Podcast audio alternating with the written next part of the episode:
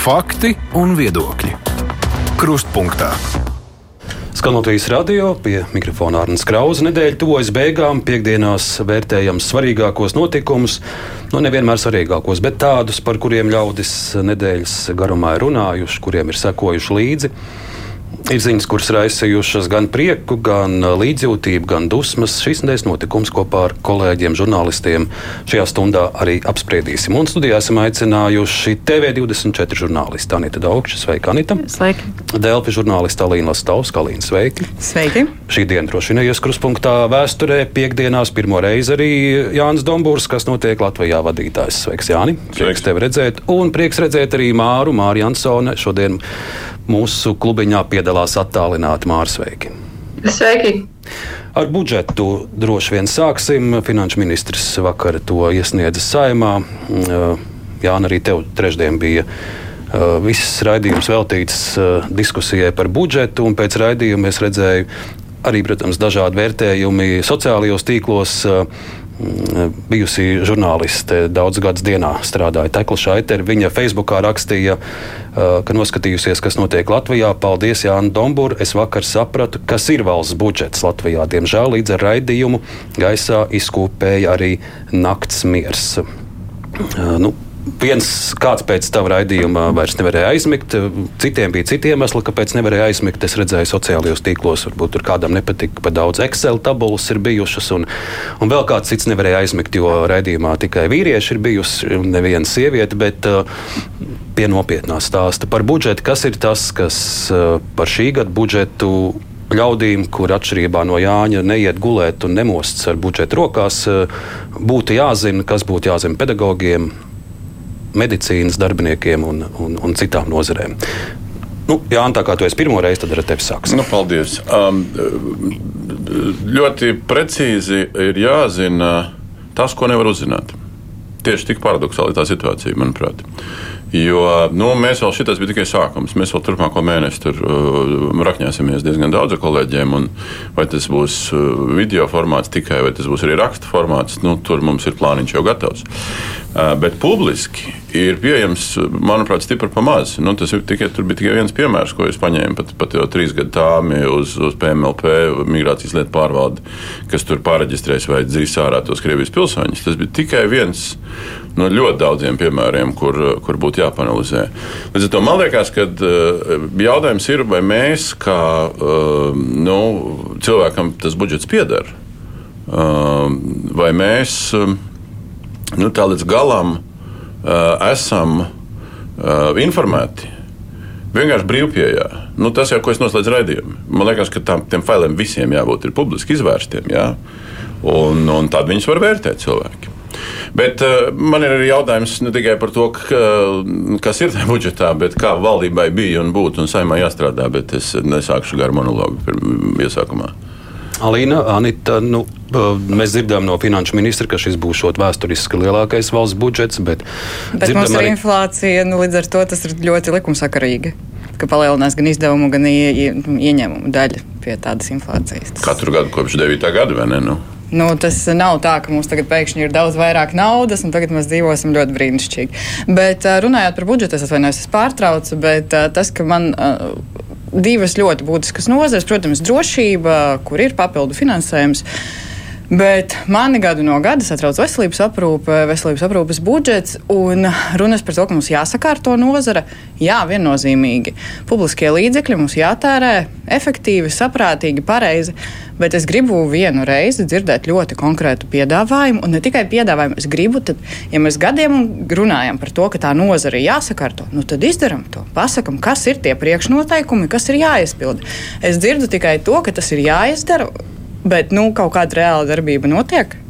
Nu, tas mani šajā gadījumā ļoti satrauc. Nu, iesaistīsim arī Māru tagad pa vidu. Māra, ko tu šonadēļ sakojot līdz budžeta tematam, tev noteikti arī turpmākajās nedēļās šeit kruspunktā par to daudz būs jārunā. Jā, nu mēs, mēs jau laiku laikam runājot par kādām tēmām, mēģinam saprast, kā tad valdības apņemšanās kaut ko paveikt atspūgļosies arī budžetā. Man šonadēļ bija saruna, piemēram, par Centrālo vēlēšanu komisiju, kas arī ir viens bēdu stāsts kur naudas trūkuma dēļ tā iestāde tagad vispār nav skaidrs, kā darbosies. Un eh, man šķiet, ka tas arī atspoguļo nu, lietas, kā vispār daudz kas notiek, ka valdība pasaka, jā, mēs darīsim, un eh, ka būs nauda droši vien, ja sakārtos, ja būs tās reformas. Un tas viss aiziet kaut kādā tādā nu, dīvainā straumē, kad nav īsti skaidrs, eh, kā ir jāizpaužās, kādam ir jābūt tam reformas rezultātam. Un mēs tik sakam, ka nauda būs, kad būs reformas. Protams, ka lietas ir jāre, jāreformē, ir vajadzīgas izmaiņas gan skolu tīklā, gan veselības aprūpē, bet Man šķiet, ka ir tāda ieciklēšanās uz to, ka vajag reformas, tieši kādas tas tiek kaut kā apmuļāts, un beigās mēs ar tādām frāzēm mētājamies visu laiku. Un, nu, tas, kas par budžetu ir bijis vispār pieejams, man šķiet, ir apmēram valdības deklarācijas līmenī, kur ir sarakstīts kaut kādas lietas kā ekonomikas transformācija, kur neviens nezina, kas tas tāds vispār ir apakšā kur ir eh, lietas, kuras varētu būt labas un varētu arī būt nekādas. Un par budžetu ir zināms apmēram tikpat daudz. Tas, ka ir aizsardzībai, iekšlietām ļoti labi, to vajadzēja, bet ir ārkārtīgi daudz citas nozares, kur vienkārši ir brēktiņ brēts pēc sakārtošanas, nevis vienkārši budžeta pārlikšanas no viena gada plus kaut ko varbūt bišķiņu uz nākamo gadu. Un, ja tas ir plus kaut kas, tad ir vēl labi. Citreiz arī tā plus kaut kā nav. Tā kā, nu, bet informācijas ir ļoti maz, jo tās tabulas, kas tiek izplatītas, tur jau arī nekas daudz eh, izvērsti nav paskaidrots. Un kā jau Jānis minēja, mēs daudz par budžetu neko nezinām. Es atceros, kādreiz, kad es strādāju par korespondentu, arī sekoju budžetam līdzi. Un tur, eh, nu, bija ļoti jāmeklē, lai vispār saprastu, ko kura sadaļa nozīmē. Un es domāju, ka daudz cilvēku tā vienkārši pārbrauc pāri. Nu, tur ir kaut kāds tāds jauks nosaukums. Nu, tad, jā, un tā kā aiziet līdz konkrētās skolas jumtam, tad saprot, ā, tas bija tas jumts laikam. Tā kā tur neskaidrība ir ārkārtīgi daudz. Paldies, nevienmēr. Anita arī savos reportieru gados noteikti ir sekojusi arī iepriekšējo gadu budžetiem un, un diskusijām, Jā, protams, ar ko varbūt šis gads ir līdzīgs vai atšķirīgs. Nu, šis gads līdzīgs vai atšķirīgs ir to, ka, pirmkārt, man liekas, šis vēsturiski tiešām ir visvēlāk iesniegtais budžets pēcvēlēšanu, pēcvēlēšanu periodā. Un tā kā šīs vēlēšanas ir bijušas pietiekoši tuvu, tad pirmais, kas nāk prātā, ka tas ir tād, nu, tād, savā ziņā vilšanās, tāpēc, ka ļoti daudzās jomās ir, ir tas pats, par ko runā jau gan Alīna, gan Mārija, tas referents. Nu, vispirms reformas, un tam mēs to naudu iedosim tieši neprecizējot, tieši kādas reformas aptuveni, piemēram, ja Alīna minēja veselības aprūpi, tad, tad es varu pateikt par izglītības jomu. Parastais stāsts - sakārtosim skolu tīklu. Tas nozīmē, mēs likvidēsim kaut kādu lielu skolu skaitu X, saliksim kaut ko kopā, un tad nezinu, kāpēc skolotājiem palielināsies algas. Tajā pašā laikā neviens neiedomājas, ka, piemēram, vienā novadā likvidējot daļu skolu un gribot visus bērnus mācīt vienā vietā, piedodiet, skola nav nemaz tik liela, lai tur vispār tie visi bērni varētu arī mācīties. Nu, tas ir, tur ir vairāk tādi nu, neatbildēti, neatbildēti jautājumi, un kopējais, kopējais referents ir tāds, ka ir ļoti maz. Maz skaidrojumu un maz tāda, tādu, tādu precīzu, precīzu atbilžu, kā šis budžeta plāns atbilst uh, valdības mērķiem, valdības jau tai pašai pieteiktai ekonomiskai transformācijai. Nu, transformācija pat par sevi nevar būt mērķis, transformācija ir process, bet, bet vienalga, nu, kā tas atbilst? Jānis, atslēgas vārdi - ekonomikas transformācija, kuras min finanšu ministrs, premjerministrs. Nu, varbūt to es sapratu, ko tas nozīmē. Ne, nu, katrs var saprast, viņas pirmkārt dažādi, viņas ir iztulkotas simts dažādos veidos. Um, um, Kariņš to ir teicis, ka tā tā pati viedā reindustrializācija, ko viņš tagad vienkārši citā nosaukumā. Protams, ka tur var pievilkt produktivitāti augstāk un, un augstāks pievienotās vērtības, eksporta vai pakalpojums. Tas, tas viss ir skaisti un tas ir pareizi. Ja? Cita lieta, ka pie situācijas, ka mēs iekasējam no GDP, no iekšzemes koprodukta, nu, jau mazāk kā 30% mums ir novecojoša valsts, un mums ir uh, negatīva demogrāfiska valsts, un mums ir darba spēka ļoti liels noslēņojums starp uh, labām kvalitātēm un sliktām. Nu, ir sapņi un ir realitāte, ja? ko var izdarīt, kuros segmentos, cik lielos apjomos. Bet es gribu vēl atgriezties pie tā, pie tā nu, pārfrāzējot tavu jautājumu, kas ir jāzina, kas būtu jāzina. Nu, man liekas, ka di divas lietas, par ko jārunā, un kas man liekas, jau simptomātiski parādās pusotru mēnesi pēc tam, kad valdība sāk strādāt. Tad budžets, nu, neliekot klāt vispārējās valdības budžetu, kur vēl nāk klāt kapitāla sabiedrības un pašvaldības, bet tad 14,7 miljardu izdevumu, tā skaitā trešdaļa sociālais, pamatbudžets 10, no tā bez mazas drusciņas 10 ir tā saucamā bāze kas iet no gada uz gadu tā paša, tāpat padarīšana. Un es trešdien arī runāju, un, un runāšu par šo tālāk, ja, kā, kā notiek bāzes pārskatīšana vai nenotiek. Ir milzīgs jautājums. Cik resurs iekšēji ir ieinteresēts? Viņš nav ieinteresēts. Ja? Viņš nav ieinteresēts kaut ko optimizēt. Viņam tu kaut ko samazinās, un tev vairāk nedos. Ja? Jo tu samazināji malacis, vairāk arī tev nepienākās. Finanšu ministrija veids, nu, lai viņi man piedod, bet šajā gadījumā diezgan pasniegt funkciju. Ziņā, nu, viņi uzdod kaut kādus papildus jautājumus. Ja? Tas ir teksts no Arvila pašrādina pēcraidījumu, jo mēs vēl turpinājām tur 15 minūtes. Uh, bet viņi, viņi neauditē, kas ir tur iekšā. Un, un tā ir viena milzīga sadaļa, ja, kas, kas prasa ļoti daudz jautājumus. Kas mums notiek? Jo tas ir tas, ka valsts kontrole gadiem uh, atkārto mums ir bagātās ministrijas un nebagātās ministrijas. Līdz tam mēs vienkārši nevaram līdzvērtīgi to darīt. Un otra lieta ir, tad uh, rudenī iesniedz prioritāros pieprasījumos visām minētajām nozarēm. 2 miljardus viņi pēc tam saruka 22. decembrī Excelī, kas bija 1,7 kapekām. Uh, un pēc pāris nedēļām, 13. janvārī, valdība akceptē 350 plus 354 plus 356, tad vienreizējie un, un bāzi kopā 710. Kā ir noticis process no tiem 1,7 kapekām līdz tiem 700 tieši tādā salikumā, un kāpēc tai nozarē, šitai nozarē, vēl kaut kādā nozarē ir tā un ne citādāk, un cik precīzas un efektīvas un apdomātas ir tāmas zem katras no tās pozīcijas, tas ir otrs milzīgais jautājums šobrīd. Ko teorētiski, manuprāt, saima var mēnešu laikā, ja viņi grib strādāt, ja viņi grib saņemties. Nu, ja mēs būvējam māju, kur var atļauties māju, nu, mēs paņemam, saņemam kaut kādas divas, trīs tāmas, ja? Nu, mēs viņus vienā vakarā izķidājam. Ja? Nu, kāpēc mēs nevaram simts tāmas izķidāt simts deputātus? Nu, jautājums, cik tie deputāti ķīdājot tām būs profesionāli. Bet, uh, nu, konsultantiem, referentiem un visiem palīdzēm. Uh, un tad uztaisim vienu kārtīgu nulles budžetu vienreiz. Un ejam uz priekšu tādā veidā, bet, bet labi, cits stāsts atkal, kas ir jāzina, kas jautājums, cik ļoti arī daudz mēs paši interesējamies, mēs kā sabiedrība, par šiem jautājumiem. Jo, ja mēs Jā. raugamies reitingus par budžetu, raidījumiem, rakstiem, klikšķus, nu, es nezinu, man subjektīvi rodas priekšstats, ka tas interesē tomēr ne ne tik ļoti cilvēkus, kā kaut kādi citi. Nav taisnība. Aizvakardienas raidījumam speciāli vakar skatījos. Viss kārtībā. Viss kārtībā. Raidījumā. Tāpat kā ja, aizpagājušajā raidījumā. Ne, nu, mēs vienkārši mēģinām tā izveidot raidījumu. Nē, ne tikai tāpēc. Es cenšos par budžetu un ekonomiku runāt diezgan regulāri raidījumos.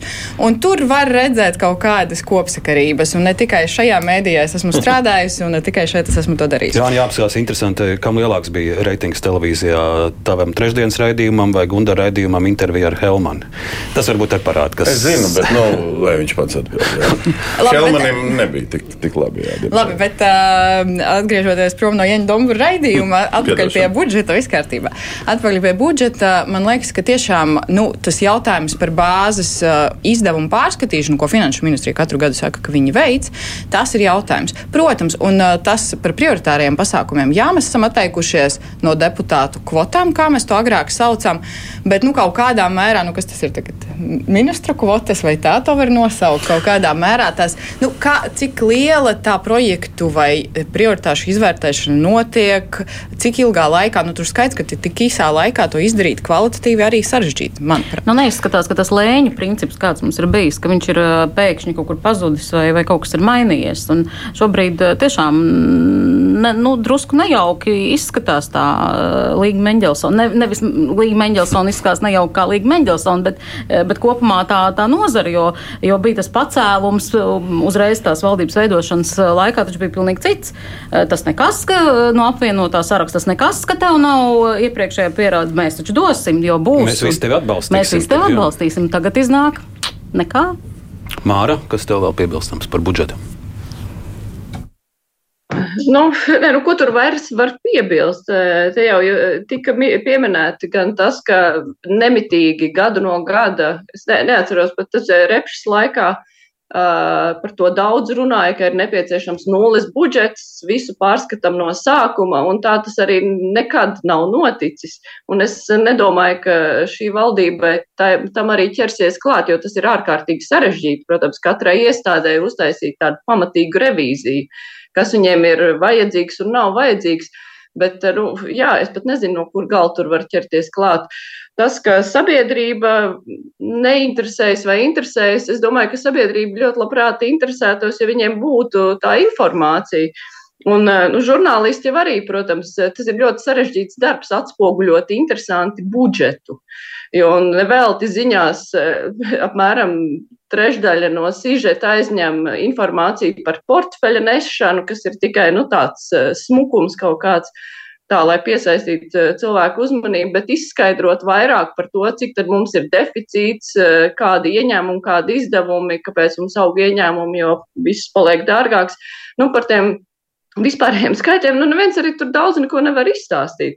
Un tur arī žurnālisti varētu ķidāt atsevišķi iestādes, bet no jautājums ir, kurš tad varētu, pirmkārt, kuram ir spējas, eh, iespējas ar to nodarboties un informācija par to visu, jo tās iestādes jau arī droši vien, ka nedalītos ar to. Bet nu, tas būtu milzīgs darbs, protams. Dalās, dalās. Ja prasa, tad dalās. Lēnām, sāpīgi, bet dalās. Bet, ja mēs runājam par ekonomikas transformāciju, skaidrs, ka tas nav viena gada jautājums, tas ir ilgtermiņa mērķis. Tāpēc tas, ko mēs varētu paprasīt no premjera, jebkā valdībā, konkrētus soļus gadu no gada, ko transformācija nozīmē šogad, ko transformācija viņuprāt nozīmē nākamgad, un tad pēc tā var vadīties. Jo ekonomikas transformācija var būt simtgades mērķis, vienalga, ļoti ilga posma mērķis. Budžets tagad ir nonācis saimā, to vērtēs komisijas, un tad arī uh, lielā diskusija plenārsēžu zālē, kas uh, ir parasti ievelkas pat līdz naktī un pat vairāk dienu garumā. Jūsu paredzējums, kas būs tie koalīcijas vājie punkti, uz kuriem opozīcija, kas šajā saimā ir gana spēcīga, spiedīs un kur, kur finanšu ministram, premjeram jau tagad ir jāgatavojas, kur, kur tie sitieni būs visspēcīgākie pret viņiem? Es vispirms vienu repliku drīkst um, par to, par to ko Kariņam vai kam ir kāds uh, nevis sapnis, bet plāns. Nu, pirmais jautājums ir rīcības plāns. Valdībai jāsastāda rīcības plāns pēc mēneša, cik tur kapekām, jā, precīzi es datumu nepateikšu. Um, tā kā tas ir jautājums, vai tai rīcības plānā būs kaut kas iedzīgs uzrakstīts uh, saprotams un, un industrijām, kuras reāli to transformāciju vai nu var īstenot vai nevar īstenot, uh, nu, pieņemams. Um, par to parlamentu, nu, kā, pirms atbildēt opozīciju, jautājums ir, kas būs opozīcija. Jā, jo tie ir tikai 54. Jā, un tur ir atsevišķi personāži katrā no tiem politiskiem spēkiem, kurus daļu mēs jau zinām, ka viņi nevienmēr domā tā, kā pasaka priekšā. Ja? Un daļa pirmo reizi, liela daļa salīdzinoši. Ja? Un, un kas tur vēl būs, tas ir liels jautājums. Otrs, es domāju, nu, kā nu, pašsaprotam, ka eh, veselības aprūpe būs mums, numur viens. Tas ir nu, pēc definīcijas, ja viņš šobrīd ir krīt zem 11% vai ap 11% no, no kopbudžeta izdevumiem nu, pret iepriekšējiem gadiem. Tas būs gan no nozarēm, gan no pacientiem. Ir jau visas vis tās balsis. Ja? Uh, un otra lieta ir, otra lieta ir nu, jā, es domāju, ka pēc tam katrs tur savā virzienā, kam tas, kam tas, kam tas. Mēs vienu lietu vēl neaiz, neaiztiekam, kas man liekas ļoti svarīgi. Es nezinu, vai opozīcija vai pozīcija, bet tātad šī ieņēmuma prognoze, ja, kas aug pret faktu, pret 22. gadu faktu, viņa aug tikai par 4%. Ok, varbūt būs recesija, bet ne liela, tas ir acīm redzami.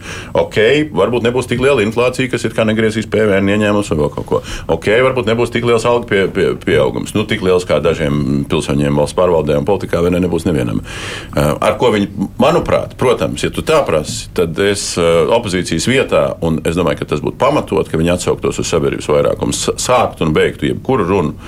Ka, draugi, mīļie, nu, ja jūs sākat ar šādu algu palielinājumu, viņu neiesaldējat, ja, nu, kā jums var ticēt uh, nodokļu maksātājs, ka mēs dzīvojam taisnīgā valstī? Ja, tas, tas, man liekas, ir a priori pats par sevi.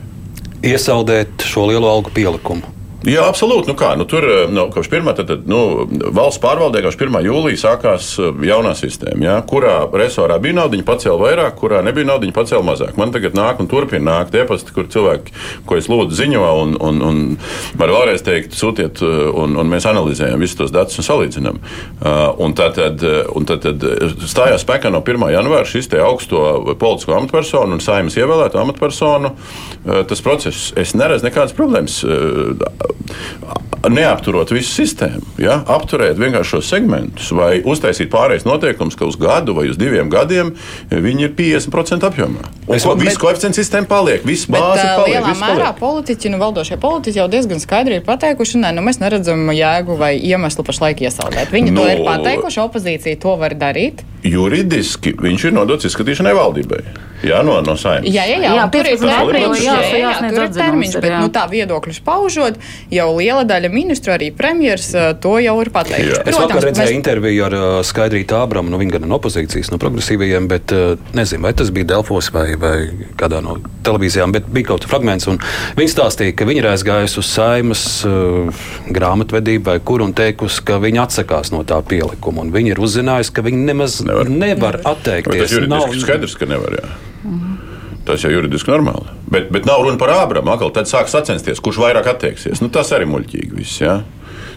Es domāju, ka tas, tas, tas viss ir šausmas. Nu, Ābram arī mācās būt par politiķu. Ja? Nē, nu, es pilnīgi piekrītu, piekrītu Jānim tajā jautājumā, ka šis ir viens no ļoti būtiskiem jautājumiem, kas, kas vispār nostiprina eh, sabiedrības uzticēšanos, eh, uzticēšanos varai. Jo šāds nekādi neargumentēts eh, palielinājums par 75, 50 un vēl kādiem procentiem patiesībā nesniedzot nevienu sakarīgu atbildi, kāpēc tieši, tieši tāds un kāpēc tieši tagad un ar ko tas vispār ir saistīts. Tad visi tie pārējie tie šausmīgie murgi par to, ka mums taču tur ir kaut kāda koeficienta un vēl nezinu, kas tas vispār, neat, nu, vispār neattaisno absolūti, absolūti neko. Es domāju, tas ir viens no ļoti būtiskiem jautājumiem, bet otrs opozīcijai. Nu, kaut vai atkal šī pati valdība, piemēram, kas attiecas uz skolotāju algām. Tur tas pats princips. Pirms vēlēšanām skolotājiem bija viens ministru kabineta protokola lēmums, kur bija ierakstīts noteikti. Pēc vēlēšanām skatāmies, puh, nav nekā. Tas nozīmē to, ka tu vari ierakstīt valdības lēmumā jebko, kas ienāk prātā, un pēc tam, tad, kad tev ir jāpieņem jau kaut kāda, nu, jau, jau konkrētos skaitļos, tas nekas no tā neparādās. Nu, kas tas ir? Vēl viens tās, par ko noteikti opozīcija no saimnes tribīnas runās, tas būs uh, budžeta deficīts. Uh, arī cik šī dzīve uz parādu, cik tas ir uh, kaut kas, par ko jāatskandina būtu trauksmes zvani vai, vai Pagaidām nekas tur bažīgs vēl nav. Es zinu, piemēram, Vils Kristapāns par to runā un citi no opozīcijas, ka, ka mēs par daudz aizņemt, uz aizņemtas naudas dzīvojam. Tur nekad nav viena patiesība, jo ir viena padarīšana ir absolūtos skaitļos, ka tie miljardi aug un aug, ja, un viņi ir nu, šobrīd maksimālais parāds līdz 19 jā, miljardiem pieļautais projektā. Bet otra lieta, ka tas īpatsvars pret iekšzemes koproduktu kopapjomu Viņš jau atkal mazinās šobrīd. Viņš uzkāpa līdz 40 daudz, jā, un tagad prognozi ir, ka tie 19 sastāv 40 maz procentus. Jā. Nu, tur kā rēķina, nu, labi, 42,6 miljardi dižams koprodukti, ja prognozē, bet nu, tās prognozes šobrīd viss ir pirkstu ūdenī. Tā kā es neteiktu, ka, ka tas ir tāds baigi centrālais jautājums. Jautājums, ko tu dari ar to aizņemto naudu? Kur tu viņu lietas? Jā? Ja tu viņu lietas normāli, racionāli investē kaut kādās lietās, eh, vienalga, vai tā ir veselība, vai tie ir izglītības sistēma, vai vēl kaut kas. Nu kā, skaidrs, ka jebkurā, jebkurā lietā, jebkura reforma, lai uztaisītu reformu, lai pārstruktūrētu, vienalga vai skolu tīklu vai slimnīcu tīklu, ja, tas maksā naudu vai, vai, vai jebkādu tīklu. Ja. Bet tad, tu, ja tev ir normāls plāns, tu viņu eh, ieguldi to naudu, un pēc tam tev ir atdeva atpakaļ, ka tu strādā racionālāk. Mēs varētu par dažādām nozarēm uh, skatīties. Šodien jau pieminējām pedagogus, veselību, bet, ja reiz mēs esam sabiedriskajā mēdījā, Jānis, vai to es pētīju? Es pieļauju, ka es, uh, ko šī gada budžets paredz uh, sabiedriskajiem mēdījiem. Es esmu daļēji pētījis, jo mums ir šobrīd diezgan liels failu kalns saņemts burtiski pēdējās dienās no Finanšu ministrijas par katrām tām pozīcijām, kas, kas ka, kas nav publiskas lietas. Ja? Uh, nu, kā paredz, uh, publiski jau ir redzams, tur ir vienreizējie ieguldījumi. Tur ir piešķirti gan televīzija, gan radio. Tās ir lietas, nu, kas ir vienkārši kapitāla ieguldījumi un pamatlīdzekļi. Bet zem tā skaistā vārda kapacitātes celšana, ja? vai stiprināšana, vai visi tie pārējie. Ja? Tur ir, um, nu, atkal, es teikšu to tā, uh, lai es tur visus skaitļus no galvas, es varbūt varu var palaist garām, bet, teiksim tā, at, ta, tie procenti, cik ir atlīdzības celšana um, radio un televīzijai tur plānotā, pret uh, atlīdzības celšanām, nu, nu pa piemēru valsts prezidenta kancelējā, ja, atšķiras vairāk kārtīgi ja nu mēs par tām atlīdzībām runājām. Tā kā tur, nu, nu, tur, tur varētu vēl būt jautājumi, jo šobrīd tas skaisti izstāsta šajā budžetā viena gada griezumā. Ja? Bet, ja tu noņem tos miljonus nost, kas nav guldīti iepriekšējos gados radiotelevīzijas teiksim, infrastruktūras jomā, tad, protams, situācija ir, ir citādāka. Ja? Vai kas vēl par budžetu piebilstams? Es Māra? Eh, labprāt atgrieztos pie tavas sākotnējā jautājuma par to, kas ir gaidāms izskatīšanas laikā.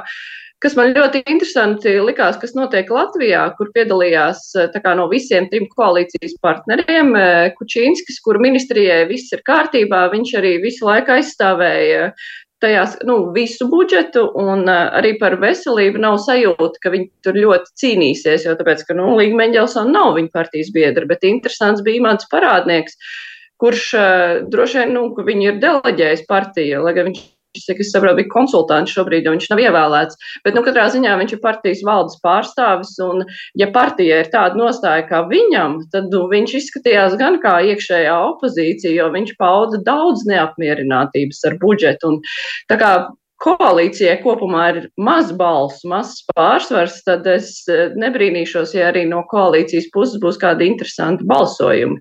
Jo nu, tur bija ļoti liela neapmierinātība, es sadzirdēju no parādnieka puses.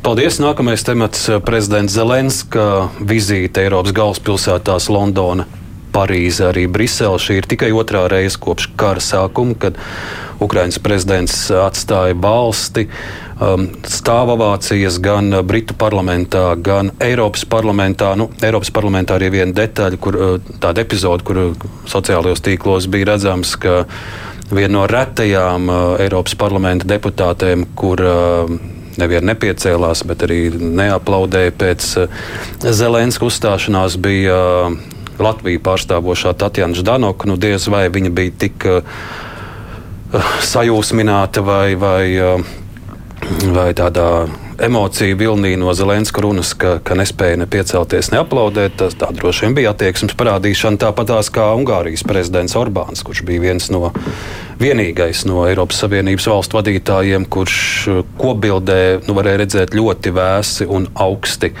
reaģēja brīdī, kad viņam bija jāstāv blakus Ukraiņas prezidentam Zelenska vizīte Eiropā. Kas tas ir par signālu Maskavai, cik svarīgs tas ir signāls Ukraiņas karavīriem, kurš šobrīd ir ierakumos, vai tas viņiem dod papildu spēku, redzot, ka aiz viņiem ir arī Berlīne, Brisele, Londona. Un tuvojas gads kopš šī kara sākuma. Jūsu pārdomas, mēs neesam ārpolitikas uh, pētnieki, bet uh, Bet noteikti šīm Zelenska uzrunām viņa man palicis no šīs nedēļas viņa teiktā šī frāze, ka dodiet mums lidmašīnas, tie ir mūsu brīvības spārni. Tā viņš teica, uzrunājot Britu parlamentu deputātus. Anita, ar tevi sākšu. Nu, es nezinu, vai um, e, es pieņemu, ka šī uh, vizīte ir ārkārtīgi būtiska, kā jau minēji, Ukrainai, un, un tas ir ļoti būtisks atgādinājums Eiropas Savienībai. Man, manuprāt, mēs Latvijā nu, kā, varbūt ne līdz galam novērtējam, mēs, caur, mēs burtiski dzīvojam ar uh, to Ukrainas, uh, Ukrainas kara, kara elpu. Mēs nepārtraukti tas ir mūsu mēdīju, mēdīju virsrakstos, atšķirībā no lielākās uh, Eiropas daļas, kur tomēr tas tā nav Zaļenska apliecinājums uh, tam, ka Ukraina uh, gatavojas uh, iestāties Eiropas Savienībā, ka tā ir uh, valsts, kas stāv par Eiropas vērtībām šobrīd iepratim Krievijai un Putinam. Es domāju, ka tas ir ļoti būtisks apliecinājums, un Eiropas pilsoņiem tas bija svarīgi ieraudzīt klātienē šo, mm, šo mm, līderi, šo, teiksim, tā brīvās pasaules līderi šobrīd arī reāli uzstājamies uz skatuves fiziskā, fiziskā veidolā no šāda viedokļa, kas attiecās uz to, ko viņš vēlējās panākt. Es domāju, domāju, ka ļoti daudz lēmumi uh, bija pieņemti jau pirms tam. Uh, visi paziņojumi par uh, tanku piegādēm jau bija. Uh, protams, bija ārkārtīgi striktais Baidena uh, nē, F, um, F-16. Tajā pašā laikā, nu, iespējams, ka. Uh, ASV pozīcija ir to, um, par to, ka nu, citiem jau viņš neliekas piegādāt šos F-16 Ukrainai. Nu, tas ir tāds uzreiz nācis tā kā mīkstinošā, mīkstinošā pozīcija. Es domāju, kas ir ļoti būtisks jautājums un uz kuru Zeļenskim tuvākā laikā būs jāsniedz ļoti konkrētas uh, atbildes, ir par um, korupcijas novēršanu pašā Ukrainā. Uh, Jo, jo rietumiem, man liekas, ir svarīgi sadzirdēt, mums ir svarīgi sadzirdēt to atbildi, ka palīdzība, kas tiek sniegta, viņa netiek izpļakarēta korupcijas schēmās tas, tas, tas sagrauj, es domāju, ne tikai mūsu tādu pārliecību, tas, tas lielā mērā grauj arī Ukraiņu personīgo pārliecību par to, kā viņi var uzvarēt. Un es domāju, ka tas ir viens ārkārtīgi būtisks apliecinājums, kas no Zaļenskas tiek gaidīts noties pieņemt tādās krasās, krasās formās. Par uh, ieroču piegādu Ukrainai. Uh, protams, uh, ļoti daudz kas šai stāstā nav publiski zināms. Un, un mēs redzam, viena varbūt aculiecinieku filmētas video, vai tā būtu Polija vai kāda Vācijas uh, autobānas, kur ir kaut kādas uh, tanku un smagās tehnikas uh, vešanas, un skaidrs, ka tas viss notiek nepubliski. Arī lai, lai Krievija nevarētu noteikt, kur, kur, kur, tie, kur tas viss tiek bāzēts. Bet, vai šīs ziņas par iznīcinātājiem, leopardiem, Tas ir arī tāds psiholoģiskais ierocis, lai ietekmētu tos Krievijas iesauktos. Mēs jau redzam arī Krievijas propagandas kanālos, ka tie galvenie propagandisti nu, diezgan ir satraukušies, ka kas te tagad būs, tāda tehnika un, un, un vācu krusti. Tas arī viņus tīri emocionāli var nobiedēt. Nu, es nezinu, vai Krievijas propagandai tik ļoti, tie, kas ir pakļauti tik ļoti Krievijas propagandai, vai viņus šīs ziņas aizsniedz, vai viņus šīs ziņas ļoti satrauc. Ja viņi tic kaut kādai savai pasaulē dzīvo un tic tam, nu, tad es domāju, ka viņi mēģina arī ideoloģiski, psiholoģiski sevi sargāt no visa apkārt, kas ir. Bet, protams, ka, ja mēs atgriežamies pie vizītes, ka simboliski tā ir ļoti būtiska un tas atbalsts labi, ko tur domā cilvēks, kas kas dzīvo Krievijā un grasās uh, braukt karot, nu es nezinu, vai mums par to tik ļoti šodien jāstraucās. Un par to, kā jūtās Ukraina, Ukrainas iedzīvotāji, karavīri, un es domāju, ka viņiem simboliski tas ir svarīgi. Protams, viens ir vizīte un atbalsts vārdos, otrs, protams, ir atbalsts praktiskais. Es nezinu, vai ar šādu vizīti izdodas panākt nu, tiešām praktiski lielāku atbalstu nekā tas bija iepriekšējās sarunās, iepriekšējās vienošanās. Gribētu cerēt, ka jā. Divas lietas. Pirmkārt, nu, būsim realisti. Ja? Bija vakar vizīte. Protams, ka stāvācijas ir viens mm, konkrētai dienai, vismaz dopings Ukraiņiem um, ierakumos. Bet paskatīsimies, kas bija šorīt no rīta. Ja? Šorīt no rīta apakaļ Krievi nodeva ritīgi. Un Ukrāņi netiek galā. Nu, būsim godīgi. Ja? Ukrāņi netiek galā pretgaisa aizsardzības ietveros ar šīm lietām. Ja? Uh, un tur no jūras, un no zemes, un no turienes, un no šurienes, un kā, kā, kas tik viss nav bijis. Nu, tas, ir, tas ir reālais rezultāts aiz stāvovācijām. Ja? Nu, viņiem nav pretgaisa pienācīgi. Ja?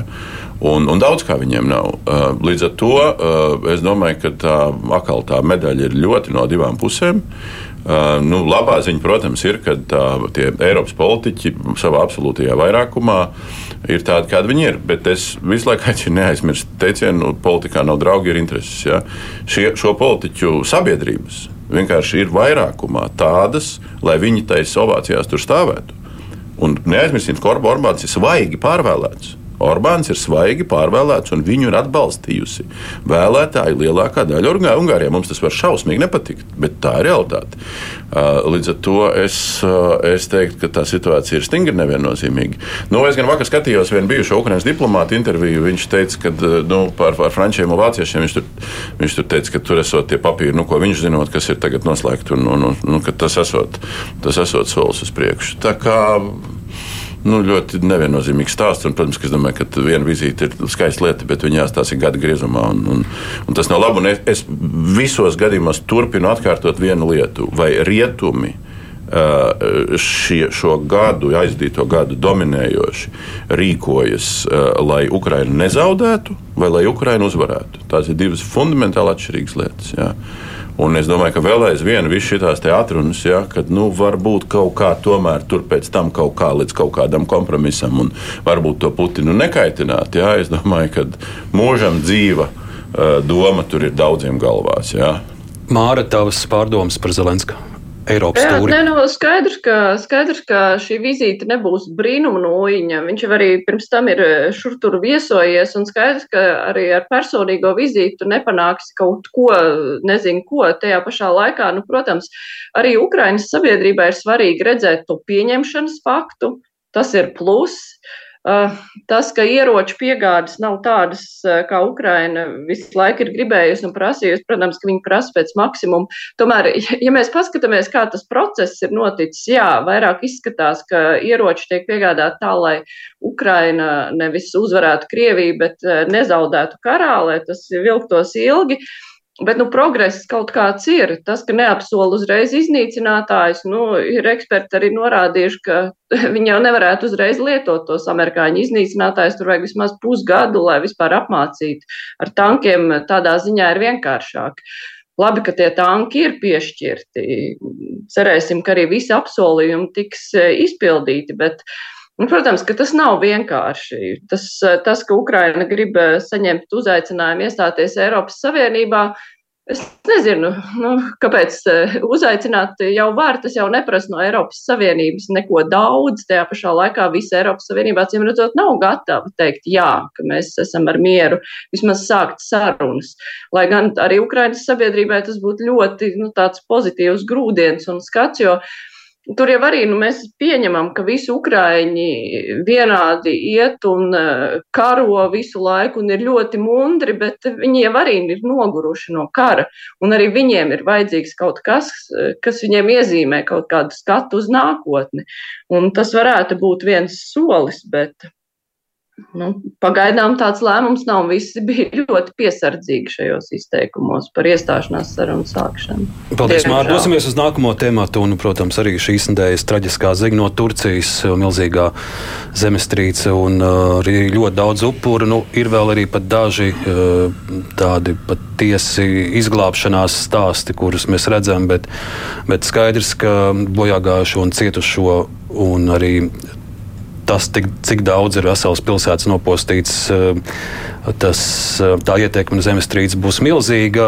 Par zemestrīci runājot, viens aspekts, kur es vēlējos eh, dzirdēt no jums, jūs pārdomas brīvajā mikrofonā, vairāk ļaudis atrakstīja, kādēļ mums Latvijai ir jāpalīdz Turcijai. Valdība šonadēļ lēma, nu, tas pat ir diezgan simboliski, šie 70 tūkstoši un šodien arī siltās sēgas, bet, bet ļaudis raksta, kādēļ mums jāpalīdz Turcijai. Nu, lūk, viens konkrēts piemērs, es nocitēšu, mani mulsina, ka mēs palīdzam tālajai Turcijai, zemestrīcē cietušajiem, mūsu pašu invalīdiem reizi gadā nevaram piešķirt naudu zobu labošanai, bet mēs palīdzam turkiem un paši paliekam bez zobiem. Tas ir viens piemērs, bet um, par šo palīdzību, cik tā ir simbolisks, kas tas ir par vēstījumu, un arī paralēli skatos Ziedot LV kopš vakardienas ir sākuši akciju, aicinot palīdzēt Turcijai. Līdz šai stundai ir ziedojuši jau tūkstoši.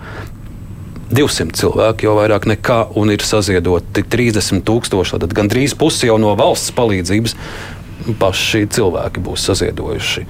Uh, Nu, mēs nevaram komentēt zemestrīci, tas ir traģiski. Turcijā arī vēlēšanas tuvojas, un, un, un arī tas viss. Bet uh, mums bija jāpalīdz, varbūt ar lielāku naudu, vai vispār nebija jāpalīdz, jo turkiem taču ir pašiem liela ekonomika un cik daudz turku dzīvo Vācijā un tā tālāk. Viņi taču var paši tur saziedot, kā uz šo visu reaģēt. Šādās nelaimēs, eh, es domāju, nav jautājumu, vai ir jāpalīdz, ir noteikti jāpalīdz. Cik daudz tu vari palīdzēt, nu, tas ir atkarīgs, protams, šī, šajā gadījumā tas ir simbolisks žests, cik mēs varam iesaistīties un darīt. Man prieks, protams, ka arī līdzpilsoņi ir atsaucīgi un ziedo, tas ir jādara. Nu, cik liela tā valsts, cik maza tā valsts, cik liela tā ekonomika. Es nezinu, vai tam vispār ir kaut kāda nozīme. Un pretnostatīt uh, šo palīdzību pret kaut kādu palīdzību šeit, nu, tā ir tāda viltus dilema nedaudz. Nu, tā nenotiek, ja mēs nedotu naudu tur, tad mēs ietu un izdarītu vat, nu, konkrēti šo darbu. Nu, mēs nezinām, kur tā nauda būtu. Un, uh, problēma šeit ir jārisina sistēmiski, bet par to mēs visu runājam pirmajā kārtā, pirmajā sadaļā. Bet, protams, nav jautājumu par to, vai jāpalīdz.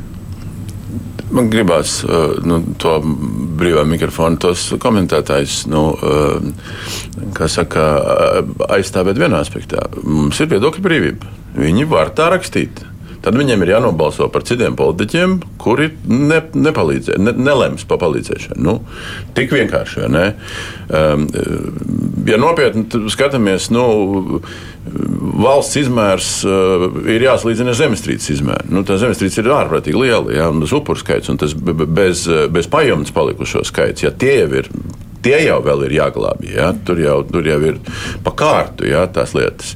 Uh, nu, es domāju, ka tur ne, vienkārši pēc definīcijas neviena valsts pati ar to nevar tikt galā, lai, tu, lai viņas tautieši kur dzīvotu. Ja? Kaut Katarā, ne tikai Vācijā, ja? un būtu visi kļuvuši par naftas lauku īpašniekiem. Ja? Uh, līdz ar to nu, tā ir racionāli skatoties, tur, tur vienkārši pēc definīcijas ir, ir, ir starptautiskas palīdzības jautājums. Jautājums, cik kurš ir solidārs. Nu, tieši tik vienkārši. Arī tas varbūt tev pavaicāšu vēl vienu citu aspektu. Vai visa palīdzība ir jāpaņem, jo arī sociālajos tīklos bija fiksēti kadri, kur, piemēram, kad īrau kaujinieki Turcijā arī sadala, visticamāk, tā ir Krievijas palīdzība. Vai var, vajag palīdzību var pieņemt no visiem, arī no tiem, kurus mēs uzskatām par agresoriem? Visa palīdzība ir jāpieņem tad, kad tā ir nesautīga un ka tas eh, netiks eh, prasīts kaut kādās citās eh, politiskās vai citu veidu dividendēs. Šajā gadījumā, tādas katast dabas katastrofas gadījumā, es domāju, ka ir, nu, tas ir apolitisks notikums tādā, tādā aspektā. Tas nav karš, tā, tā nav, tas, tas nav nekas tā, tam līdzīgs. Tur šajā gadījumā ir uh, cietuši starp citu rajoni, kas ir, uh, uh, kur dzīvo ļoti daudz uh, kurdu, kas ir, uh, kas ir Erdogana tāds. Pretinī nu, teiksim, tā opozīcijas, um, opozīcijas uh, rajoni un, un, un, un, un tam līdzīgi. Un šajā gadījumā mani uh, tiešām nu, nevis tā pārsteidz, bet zināmā mērā gandarīja, piemēram, kaut vai tas fakts, ka Stambuls lidos tik burtiski šturmētas ar tiem cilvēkiem, kas vēlējās doties palīgā uz šiem rajoniem, uh, lai raktu ārā šos cilvēkus, kas ir kas ir, zem, kas ir zem grūšiem.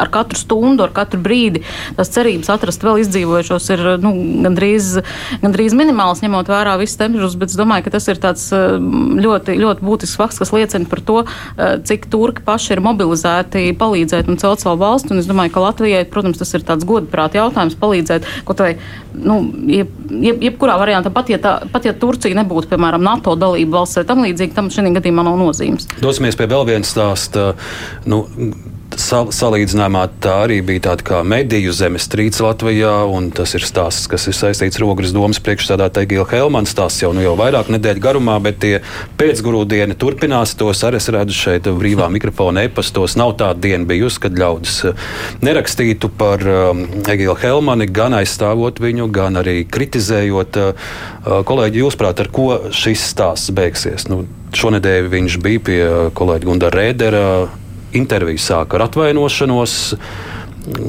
Tas viss tagad tā aizmirsīsies, paliks, vai, vai kā tas pie mums bieži ir, kad tā atmiņa ir par politiķu rīcību tādas divu, trīs mēnešu garumā, un tad, tad tā ir tālu pagātne. Nu, dažreiz atcerās arī ik pēc četriem gadiem. Tā nav. Un nacionāļu vēlētājs, viņš ir diezgan jūtīgs vēlētājs. Vismaz daļa no viņiem. Es pieņemu, ka daļa to var atcerēties arī pēc četriem gadiem. Es negribu pretendēt uz kaut kādu prognozēšanu, jo nu, tas ir atkarīgs no faktoriem, kas ir no mums neatkarīgi. Nu, bet, eh, piemēram, nu, vai Nacionāla apvienība varētu pret Helmani būt asāka? Uh, tas ir atkarīgs no viņu, viņu iekšienes, no šīs partijas iekšienes. Ja? No, no viņu nodaļām, citās vietās, no, no viņu nezinu, kaut kādiem vēl aktīvistiem ja, vai atbalstītājiem. Ja. Nu, acīm redzami, viņi nu, man liekas, nesaņem tādu spiedienu. Lai viņi teiktu, viss mēs norobežojamies, izslēdzam no partijas vai vienalga ko. Ja? Bet jūs, Viņi jūs kolēģis pārliecināja, tas Helmaņa stāsts, tas, ko viņš vairāk kārt mēģina uzsvērt, ka viņš gribēja ogres ļaudīm nest uh, mūsu senču kultūru, parādīt mūsu šķīvjus un, un, un krūzes. uh, Un pats brauc pie Avena fotografēties. Nu, vienkārši muļķīgi uz tādiem sīkumiem iekrist. Ja? Tas, tas mu- muļķīgi. Ja? Nē, nu var darīt visu kaut ko. Viņš kā vecs, kā saka, karsto punktu speciālists, nu, viņam varbūt funkcijas ir nu, pēc definīcijas. Nu, es arī nu, tā arī ārpus kadra ar viņu parunājoties vēl pavisam, cik tas bija kaut kādu pusgadu atpakaļ. Nu, nu, viņš savādāks cilvēks ir. Ja? Viņš ir tāds. Nu, nestandarta daudzos aspektos mm, lietām pieejams. Asas dabas. Nu, es tā tik ļoti neteiktu. Tur arī galva strādā. Tur nav tikai asums dabā. Ja? Uh, un ir citādāks funkcijas, ja? cit- citādāk domāšana. Ja? Līdz ar to, ko ielīst viņa galvā, tas nav, nav tik vienkārši uzdevums. Ja? Daži ir vienkāršāki, man jāsaka, cilvēki mūsu politiskajās aprindās. Uh, līdz ar to, ko viņš domā, tas ir viens jautājums. Bet kādu, kādu, kāds tas ir vēstījums vienam milzīgam ļaužu skaitam, nu, tas taču skaidrs. Nu, tas nu, acīm redzam, protams. Māra. Man visu laiku uz mēles ir viens jautājums. Man uh, nav bijusi izdevība ar viņu runāt, bet es tā arī nesapratu, kā viņam ienāca prātā, ka vajag uz ogru atvest tieši to porcelānu. Jo nu, viņš ir tāds, jau Latvijā noteikti daudz un dažādas izstādes, kuras varētu atvest, bet kāpēc tieši tas porcelāns? Jo par tādu porcelānu tur kādreiz bija Latvijas televīzija droši vien ziņojusi vai RTV par to, ka kaut kur ir tāda izstāde bijusi, un viņam ir tik ļoti iekritis galvā, ka vajag to porcelānu. Nu, es neticu, ka tas tā ir, ka viņš ir tāds speciālists tieši šajā jomā, un es neticu tādām sakritībām, ka tad viņam ir jābrauc tieši uz to īpašumu un jānoskaidro attiecības eh, par to, ko tad Dāvens īsti domā par Putinu. Nu, tas viss ir tik baltiem diegiem šūts, ka tas izskatās pēc eh, nu, tādas eh, tās melu konstruēšanas, līdzīgi kā to Krievijā arī dara. Nu, pasaka, vienkārši melns ir balts. A, tu netici? Nu, pff, Es saku, ka melns ir balts, es tā saku, a, ko tu man izdarīsi. Jo ir cilvēki, kuri tā kā kautrīgāk melo, bet ir cilvēki, kuri vienkārši ir nekaunīgi un viss. Un es viņam neticu personīgi. Labi, Māra. Nu, par Helmanu īsi vēl, jo tik daudz jau par viņu runāts. Ka... Jā, nu viens ir jautājums pavisam īsi, vai Helmanam vienkārši patīk porcelāns. Tas ir viens jautājums. Otrs, ko gribēja šo tikšanos panākt, iespējams, Avens kaut kādā veidā ietekmēt politiķu dienas kārtību, kaut kādus jautājumus. Tas ir arī jāpatur prātā, ka tas, nu, diez vai viņi tur tiešām tikai par mākslu un traukiem runāja. Un Anita tad nobeidz šo stāstu. Nu, es varu pateikt tikai to, ka tikai Nacionāla apvienība var izlemt to jautājumu, vai Helmans paliks domas priekšstādātājs vēlētāji, protams, savu verdiktu sniegs pēc vēl vairākiem gadiem. Vēl pāris īsie temati, kurus dzird, gribētu dzirdēt arī jūsu viedokli uh, no šīs nedēļas uh, saskaņa. Turpina šķelties un dalīties uh, viens no ilgadējiem saskaņas līderiem. Daudz gadus sēdējis arī prezidents Andrijs Klemenķevs. uh, Šonadēļ paziņo, ka aiziet no saskaņas un var saprast, ka viņš visticamāk ar Reizeknas mēru Bartaševiču kopā dibinās partiju. Kādas tur būs tās pārbīdes Latgalē? Bartaševičam vajadzētu iet kopā ar Elksniņu, viņiem vajadzētu katram savam palikt, vai viņiem varbūt vajadzētu tuvoties vēl ar Rosļikovu, un, un kas vispār paliks no saskaņas. Cik, un cik vispār daudz par to būtu jādomā? Es domāju, ka daudz tādēļ, ka tā ir ļoti liela, liela vēlētāju daļa, kurus šie politiķi pārstāv. Ja, es pilnīgi piekrītu tam, ka preparēt eh, saskaņas zirnekļa cīņas burkā, lai viņi man piedod, tas būtu pa daudz goda viņiem, ja mēs te detaļā sāktu, kuru katru uh, kustību apspriest. Uh, kopumā saskaņa, nu, tas bija laikam nu, jau vairāk kā trīs gadi vēl tajā studijā, kur Alina tagad strādā. Varbūt Nāviņš bija toreiz pie maniem un stāstīja, kā viņš tos apstuļus izaudzinās šo 12 un kā viņi tagad būs visi tie jaunie sekotāji, ja, un nekas viņam tā īsti nu, tā labi nav sanācis, jāsaka. Un, Un tas, nu, tad, lai viņi paši tagad uh, cīnās, bet, uh, bet es piekrītu pilnīgi, ka tas jautājums šobrīd ir, kas ir tā, tas viss segments, kurā konkurē no viena gala saskaņa. Vēl varbūt ar kaut kādu segmentu arī Latvija pirmā vietā no vienas puses, un tad mēs ejam tur tālāk stabilitātei un Krievijas Savienību un, un, un vēl pa labi, pa kreisi, un, un tur, nu, kas pastīsimies, kas tur paliks no suverēnām varām vai vēl kaut kas pāri. Uh, un, uh, un kas viņus pārstāv vai kas ir šī segmenta līderi. Un tas, protams, ir, manuprāt, jautājums, nu, ja mēs Zelenski citējam, kā viņš stāstīja par to, kā viņi pārtvēruši Maskavas plānus Moldovā destabilizēt situāciju, jā, nu, tad man ir kaut kā tāds dziļi retorisks jautājums, vai ne? Vai te Latvijā nebūtu um, kas pārtverams attiecībā uz to, kur kādi cilvēki šajos politiskajos spēkos dara vai nedara. Ja? Un, un, un te ir tikai jautājums, ja? vai mēs kaut ko redzam. Runājot par saskaņu, man liekas, jā, ļoti būtisks jautājums, kur, kur aiziet tas vēlētājs. Vai viņš aiziet vairāk uz radikālo galu, vai viņš vairāk aiziet uz centru. Man liekas, par tiem, ja mēs runājam par šķelšanos, tad ir svarīgi, man liekas, ir interesanti, vai Elksniņš ar Bartaševiču, lai gan izskatās, ka nē, bet varbūt viņi tomēr apvieno spēkus un uztais tādu lielāku partiju, un varbūt tad viņiem būs kaut kāds lielāks vēlētāju daļa. Varbūt arī ne, nevar, ne, nezinu, grūti prognozēt ar saskaņas vēlētāju, cik viņš ir aktīvs, vai viņš pavilkās tikai uz Ušakovu kungu, Urbanoviču kungu, piemēram, vai, vai tur kaut kas sanāks. Skaidrs, ka pašlaik arī trīs jaunie līdzpriekšsādātāji saskaņai nu, neizskatās, ka tur būtu tāds. Uh, labs līderis, kas to var saturēt visu kopā, vismaz pašlaik no tās retorikas izteikumiem, trīs mm. personības nu, neizskatās. Māra īsi par saskaņu. Jā, man liekas, ka te par saskaņu pašu vairs nav īpaši vērts runāt, drīzāk par tiem aizgājējiem, jo viņi ir sapratuši, ka saskaņas politika nerulēja, ka īpaši Latgalē daudz labāk nostrādā tas, kā uzstājās Rosļikovs, un, protams, ka viņi negrib tā vienkārši aiziet pie Rosļikova un būt uh, zem viņa, un tāpēc viņi mēģinās taisīt kaut ko ļoti līdzīgu, visticamāk koķitējot gan ar Krievijas, gan un Ukrainas jautājumu, skaidri neatbildot uz jautājumu, un tas man šķiet ļoti nepatīkami. Bet, diemžēl, viņiem šķiet, un iespējams, ka tā tas arī ir, ka šai, šiem vēlētājiem tādas pozīcijas ir daudz tīkamākas, un tas ir ļoti bīstami. Paldies, Mārtiņ. Un vēl mums ir minūte, un es uzrunāšu Anitu un Jāni, tādēļ, ka jums ir vislielākā pieredze. Jūs esat paši pieredzējuši visu atjaunotās Latvijas prezidenta ievēlēšanu. Jūsu paredzējums prognozes šodien Delfi bija aptaujājuši pilnīgi visas saimnes deputātus. Nu, tur ir redzams, Egilam Levitam nepietiek un krietni daudz vēl nepietiek balss. Viņam ir vēl kāda šanse.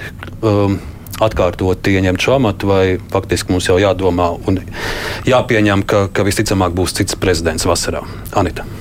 Es domāju, ka viņam ir iespējas, jo mēs nevaram zināt to salikumu, kā veidosies cik, cik kandidāti kopumā tiks izvirzīti. Ir skaidrs, ka tiks izvirzīti, un Levitam šajā gadījumā var nebūt. Un es pieņemu, ka tur būs sarežģīts politisks process, kas notiks vairākās kārtās, kura rezultātā, rezult, nu, teiksim, tā, kur rezultātā var notikt, notiks, notikt arī jebkas. Turklāt mēs redzam, nu, ka prezidentam blakus ir ļoti nopietni politikas zinātāji un eksperti, kas izdara pilnīgi visus gājienus iespējamos aizkulišus, lai Levits tomēr jā. Jā, 20 sekundēs par Levita prognozi. Politika ir darījumi. Prezidentu ievēlēšanas, neskaitot čaksti, man liekas, visas ievēlēšanas saimā ir bijušas darījums. Arī šeit būs darījums. Var būt un var nebūt. Atkarīgs no miljoniem faktoriem.